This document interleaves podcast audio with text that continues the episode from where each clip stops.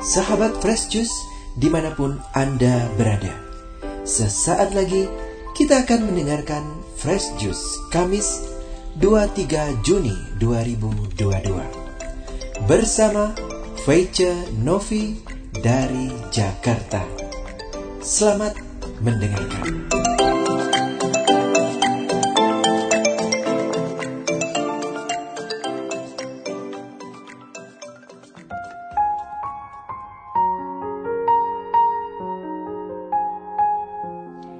Shalom, sahabat-sahabat pendengar Daily Fresh Juice yang dikasihi Tuhan di mana pun Anda berada.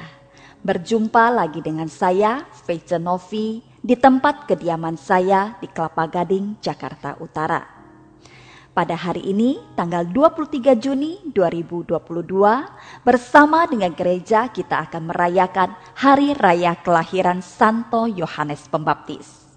Kita akan membaca dan merenungkan Injil suci menurut Santo Lukas bab 1 ayat 57 sampai 66 dilanjutkan dengan ayat 80. Mari kita baca dan dengarkan bersama-sama. Kemudian genaplah bulannya bagi Elizabeth untuk bersalin dan ia pun melahirkan seorang anak laki-laki ketika tetangga-tetangganya serta sanak saudaranya mendengar bahwa Tuhan telah menunjukkan rahmatnya yang begitu besar kepadanya, bersukacitalah mereka bersama-sama dengan dia. Maka datanglah mereka pada hari yang kedelapan untuk menyunatkan anak itu dan mereka hendak menamai dia Zakaria menurut nama bapaknya. Tetapi ibunya berkata, "Jangan, ia harus dinamai Yohanes." Kata mereka kepadanya, "Tidak ada di antara sanak saudaramu yang bernama demikian." Lalu mereka memberi isyarat kepada bapaknya untuk bertanya nama apa yang hendak diberikannya kepada anaknya itu. Ia meminta batu tulis, lalu menulis kata-kata ini namanya adalah Yohanes. Dan mereka pun heran semua. Dan seketika itu juga terbukalah mulutnya dan terlepaslah lidahnya. Lalu ia berkata-kata dan memuji Allah. Maka ketakutanlah semua orang yang tinggal di sekitarnya. Dan segala peristiwa itu menjadi buah tutur di seluruh pegunungan Yudea dan semua orang yang mendengarnya merenungkannya dan berkata, "Menjadi apakah anak ini nanti? Sebab tangan Tuhan menyertai dia." Adapun anak itu bertambah besar dan makin kuat rohnya, dan ia tinggal di padang gurun sampai kepada hari ia harus menampakkan diri kepada Israel. Demikianlah sabda Tuhan terpujilah Kristus. Sahabat-sahabat sekalian, jika masih ingat, beberapa waktu yang lalu, tepatnya pada masa Advent tahun lalu tanggal 23 Desember 2021, saya juga pernah membawakan renungan di Fresh Juice dengan sumber Injil yang sama tentang Yohanes Pembaptis. Pada kesempatan yang lalu saya mengulas tentang arti sebuah nama. Namun pada kesempatan ini saya ingin mengajak sahabat-sahabat sekalian untuk merenungkan tentang peran yang ditetapkan Allah bagi Yohanes Pembaptis di dalam karya keselamatan Allah di dunia ini. Seperti yang sudah kita ketahui bahwa kehadiran Yohanes Pembaptis di dunia untuk mempersiapkan jalan bagi Tuhan Yesus, putra Allah dalam beberapa waktu ini ketika saya merenungkan Injil ini mengingatkan saya kepada satu film uh, film ini menceritakan tentang sekelompok orang yang bekerja di perusahaan manajemen keartisan. Jadi tugas mereka adalah uh, mengorbitkan talent-talent supaya menjadi artis yang terkenal. Mempersiapkan segala sesuatu yang diperlukan oleh sang artis. Mulai dari pakaian yang harus dikenakan, eh, bahkan menjadi supir juga job yang harus dijalankan oleh sang artis, mereka juga yang cari entah itu sebagai pemeran film atau sinetron atau juga iklan dan lain-lain. Kemudian uh, yang penting adalah si manajer itu tugasnya untuk membuat nama sang artis itu jadi terkenal. Dan ada satu ciri khas dari seorang manajer adalah ketika mereka mengorbitkan seorang artis, artis itu bermain di depan layar, si manajer bermain di belakang layar. Jadi manajer itu tugasnya semua ada di belakang layar. Banyak orang mengenal artis. Sebut saja mungkin kita kenal yang namanya Tom Cruise. Siapa yang tidak kenal Tom Cruise, ya kan? Tapi saya tanya, apakah uh, banyak orang yang tahu siapa manajernya Tom Cruise? Kalau saya sih saya tidak tahu. Jadi manajer itu tugasnya membuat si artis terkenal, tapi dia sendiri tidak dikenal orang. Nah, ini yang mengingatkan saya pada peran seorang Yohanes Pembaptis. Yohanes Pembaptis mempersiapkan jalan bagi Yesus, tapi dia sendiri rela untuk mundur ke belakang layar, tidak dikenal orang dan membiarkan namanya tenggelam dan nama Yesus yang naik. Kita semua di dalam kehidupan kita sehari-hari juga ditempatkan terkadang menjadi seorang manajer, terkadang kita juga menjadi artisnya.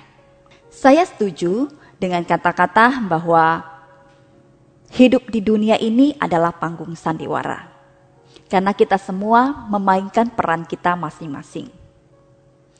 Yesus sebagai manajer kita telah menyiapkan sebuah panggung bagi kita.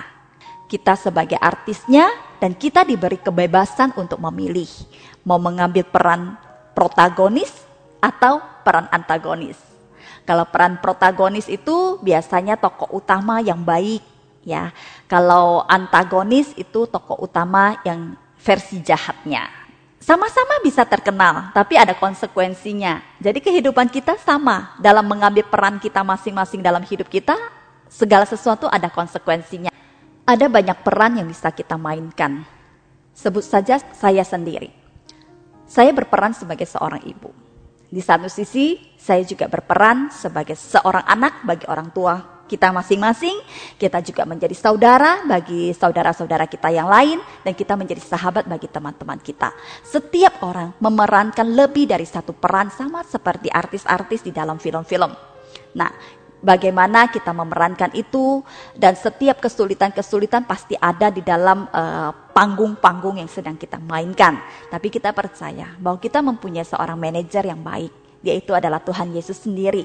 Dia menjadi manajer yang akan selalu memberikan kekuatan bagi kita. Dia juga yang mempersiapkan segala sesuatu yang kita butuhkan dan membantu kita untuk menyelesaikan kesulitan-kesulitan yang kita hadapi. Dan ketika kita menjadi seorang manajer, Jangan lupa kita harus selalu membesarkan nama Tuhan Yesus. Itulah tugas kita yang utama di dunia ini. Bagaimana Tuhan Yesus semakin dikenal oleh banyak orang dan keselamatannya semakin dinyatakan. Ketika kita memainkan peran protagonis dengan sangat baik, kita juga siap untuk menerima penghargaan. Nah, penghargaannya seperti apa? Bukannya kita naik di atas panggung lalu tepukin tangan dan sebagainya, tapi penghargaan itu datang dari Tuhan. Itu ketika kita menjadi seorang artis. Ketika kita menjadi manajer, itu saatnya kita mempersiapkan jalan bagi Tuhan juga sama seperti Yohanes Pembaptis. Di mana segala sesuatu yang kita kerjakan itu untuk memuliakan nama Tuhan. Apa pun yang kita lakukan di dunia ini, baik yang sudah kita jalankan saat ini, besok atau waktu-waktu yang akan datang, segala sesuatu kita kerjakan untuk nama Tuhan Yesus yang dimuliakan. Nah, itulah ketika kita menjalankan peran kita baik sebagai manajer maupun sebagai seorang artis. Ketika kita menjadi seorang artis, kita harus memerankan peran kita dengan sebaik-baiknya dan kita percaya bahwa Tuhan Yesus sudah mempersiapkan banyak hal bagi kita termasuk talenta-talenta yang ada dalam diri kita. Itulah yang telah dipersiapkan oleh Yesus untuk kita kenakan dan kita pakai untuk kita tunjukkan sebuah pertunjukan terbaik di dalam kehidupan kita yang akan kita persembahkan untuk kemuliaan nama Tuhan.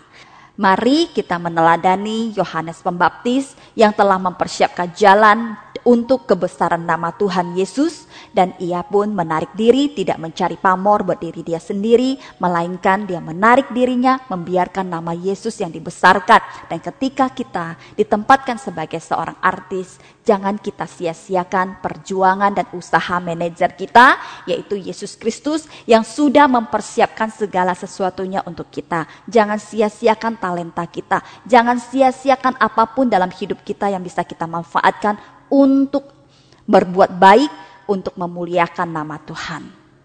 Tuhan Yesus memberkati. Sampai jumpa. Salam sehat, salam fresh juice. Sahabat Fresh Juice, kita baru saja mendengarkan Fresh Juice Kamis 23 Juni 2022. Terima kasih kepada Feice Novi untuk renungannya pada hari ini. Sampai berjumpa kembali dalam Fresh Juice edisi selanjutnya. Jaga kesehatan dan salam Fresh Juice.